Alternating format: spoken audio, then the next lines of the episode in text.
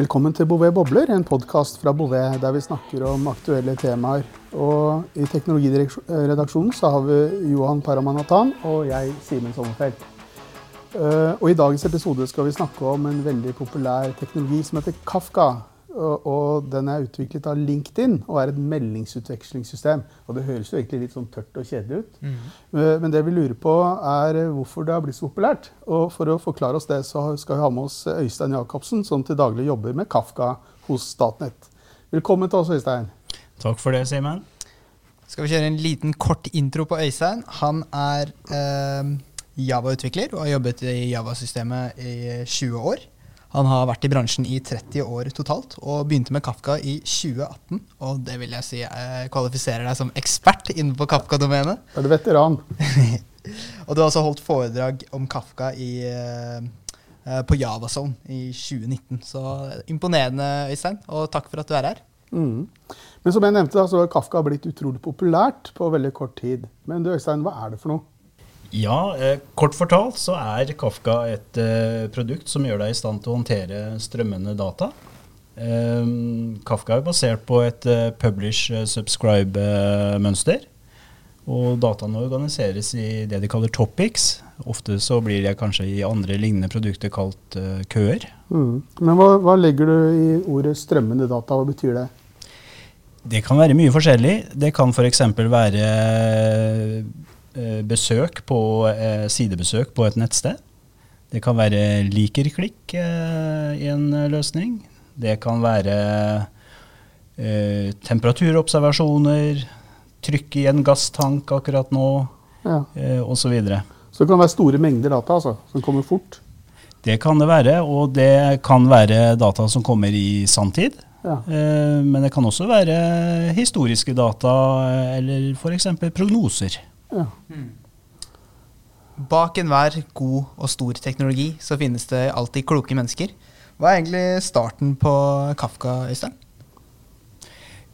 Kafka ble opprinnelig utvikla internt eh, hos eh, LinkedIn for å kunne håndtere de enorme datastrømmene som eh, de eh, håndterte. Mm. Eh, etter hvert så opensourca de eh, Kafka. Det var vel i 2011. Eh, og så, eh, tror det var i 2014, så gikk eh, disse nøkkelutviklerne fra LinkedIn da gikk de ut og starta et nytt selskap som heter Confluent. Mm. Eh, og Confluent er i dag det, den organisasjonen som er hovedbidragsyter til open source-prosjektet Kafka. Mm. Så Kafka er fortsatt et open source-prosjekt, altså? Det er det. Kult. Uh, har du noen konkrete eksempler på hva man kan bruke Kafka til? Ja, eh, vi kan jo ta La oss si at vi et, eh, skal ha et stortingsvalg. Og eh, da har man jo valglokaler der man kan komme og stemme. Eh, og når hvert valglokale stenger, så kunne man tenke seg at de teller opp stemmene, og så sender de resultatet.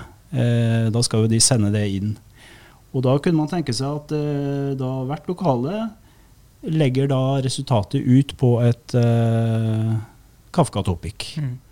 Som da kan uh, Så at alle Da får du en strøm av resultater fra de ulike lokalene som kommer på et topic. Mm. Så kan man tenke seg at man har et annet Kafka-topic der det ligger grunndata om de forskjellige lokalene. Altså hvilket stemmekrets hører de til, hvilket fylke osv. Og, så og da kan du tenke deg at de to strømmene kan joines, mm. sånn at man får berika den strømmen av valgresultater med informasjon om eh, valglokalene. Deretter så kan man sende den strømmen inn og aggregere den strømmen, sånn at eh, For det man er interessert i, er jo resultatene på, eh, i hver valgkrets eller i hver by eller hvert fylke. Så da, man, da, kan man lage en aggregeringsfunksjon som eh, aggregerer disse dataene. Mm, for det er innebygd i Kafka? Det er innebygd i Kafka, og det, det er, finnes det da flere API-er for det, som man kan bruke for å lage en sånn eh, strømapplikasjon som f.eks. da aggregerer eh, data. Mm. Det, dette gjør man da som en selvstendig applikasjon som da kjører, som behandler da disse datastrømmene som konsumerer eh, strøm, en, en, eller flere strømmer, gjør noe og legger ut på en, eh, en resultatstrøm, da, eller topic. Mm. Dette med eh, det vi snakka om nå, aggregeringer, det er jo noe som skiller Kafka fra annen teknologi. da. Men hva annet uh, tenker du kan være forskjellen fra lignende teknologi? Kafka har jo en enorm kapasitet. Den er laga og designa fra bunnen av for å skalere på en uh, veldig bra måte. Mm. Uh, jeg husker ikke tall, men i LinkedIn så behandler jo, uh, behandles jo milliarder av meldinger eller hendelser hver dag. Mm. så selv en liten installasjon kan gjerne håndtere titusener eller hundretusenvis av meldinger i sekundet. Mm. Eh, og Kafka har jo blitt ganske populært. Vi ser det er i bruk på Nav, Statnett bruker det. Og så er det jo sånn at eh, det er en del jobb da, å skifte fra annen teknologi til, eh, til Kafka. Så jeg lurer på hvilke utfordringer er det Kafka løser hvis vi, bedre enn annen teknologi, da, hvis vi ser på det fra et sånn arkitekturperspektiv? Min erfaring er at du kan få til en veldig eh, bra eh, arkitektur som er hvor hver enkelt komponent er løst kobla. Mm. Eh, hvor kommunikasjonen foregår i stor grad asynkront. Mm. Eh, og det kan du få til uten at eh, Og en mikrotjenestebasert eh, mm. arkitektur. Mm. Så det betyr at du kan ha flere team da, som jobber litt uh, uavhengig, på en måte? At ikke alle er avhengige av hverandre på et vis? Nettopp. Mm. nettopp. Eh, for da er det jo sånn at eh, den mikrotjenesten du lager, den baserer seg på å lese data fra én eller flere topics og behandle de og legge svaret ut på, eller resultatstrømmen ut på et annet topic. Mm. Som en annen tjeneste kan plukke opp og jobbe videre med. Mm. Jeg har en liten kobling. Øystein. For en meldingskø, eller message broker, eh, den får pushet data til seg inn i en kø. Er ikke Kafka egentlig bare en vanlig meldingskø? Tilsynelatende ser det jo sånn ut. Mm. Det er en sånn publish subscribe-løsning. Um, men jeg vil si at Kafka er ikke en message broker, det er en databroker. Mm. Og det er en forskjell på det. For jeg tenker en sånn klassisk eh, meldingskø, eh, der vil man typisk behandle, ta en melding og behandle de én for én, uavhengig av hverandre. Det handler om egentlig å ta imot og gjøre datameldinger tilgjengelig for uh, andre. Men i Kafka, så gullet med Kafka er det at du kan ha mange meldingsstrømmer, og så på en måte se de i sammenheng og gjøre analyser og behandling av de uh, meldingene. Ikke én for én, men sett i sammenheng med hverandre. da. Mm. Uh, og du nevner jo dette med tidsserier.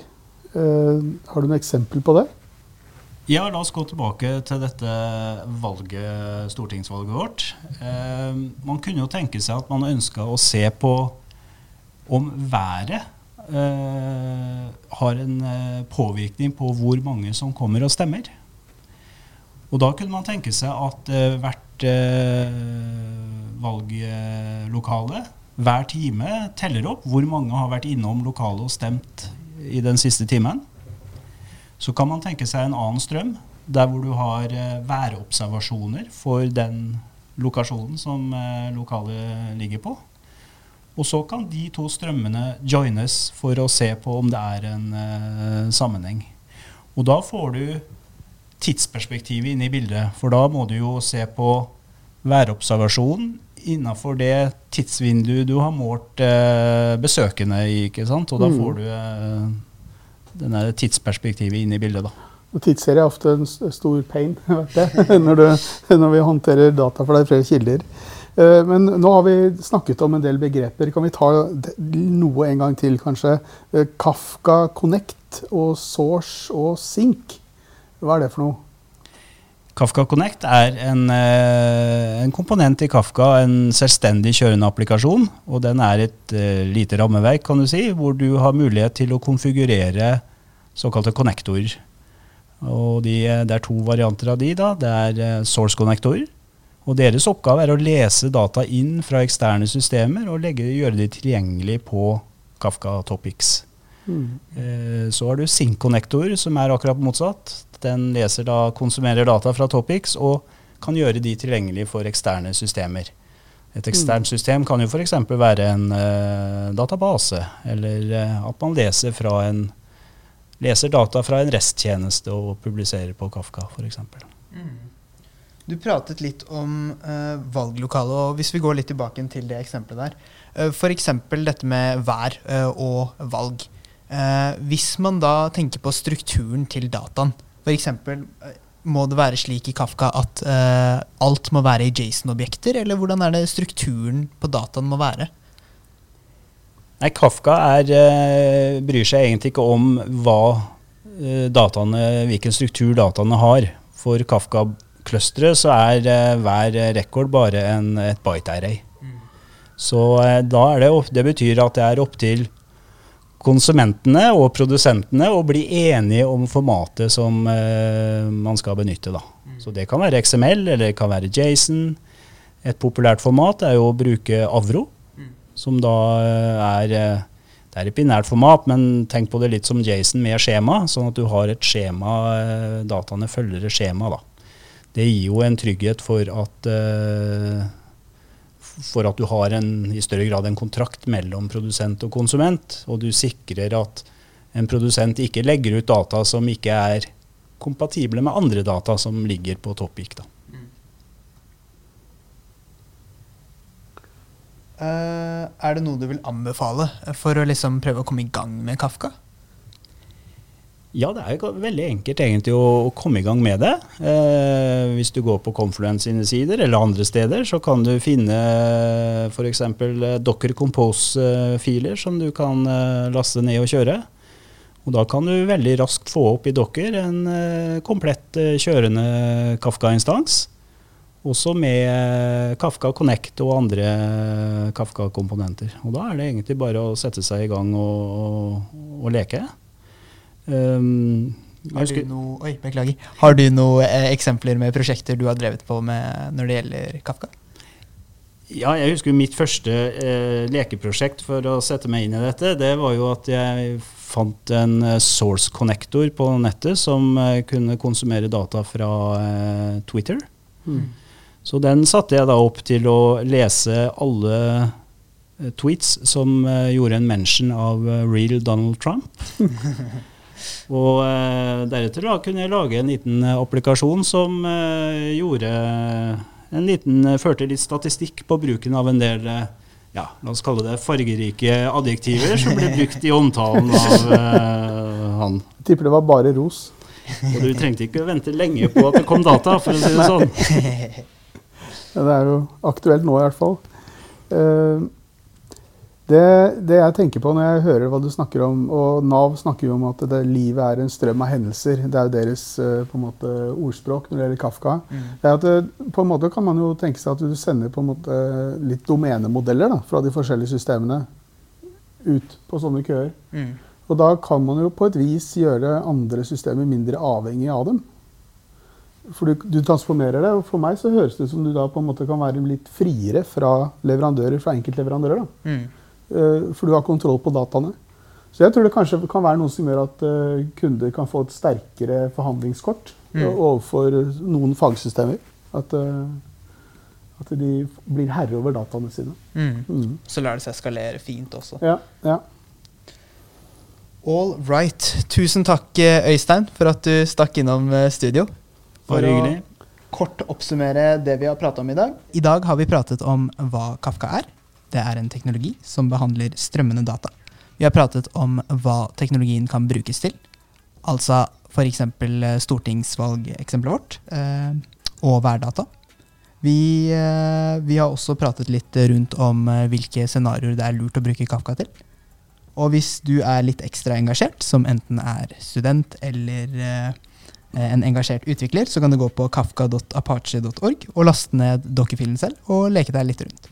Uh, Øystein uh, tullet jo litt med f.eks. real Donald Trumps uh, tweets for å finne litt innsikt i det. alle andre ressurser blir lenket til i bioen, og hvis det er noen spørsmål, så er det bare å sende dem til oss. Ellers så vil vi si tusen takk til alle som har lyttet på, og vi prates snart igjen.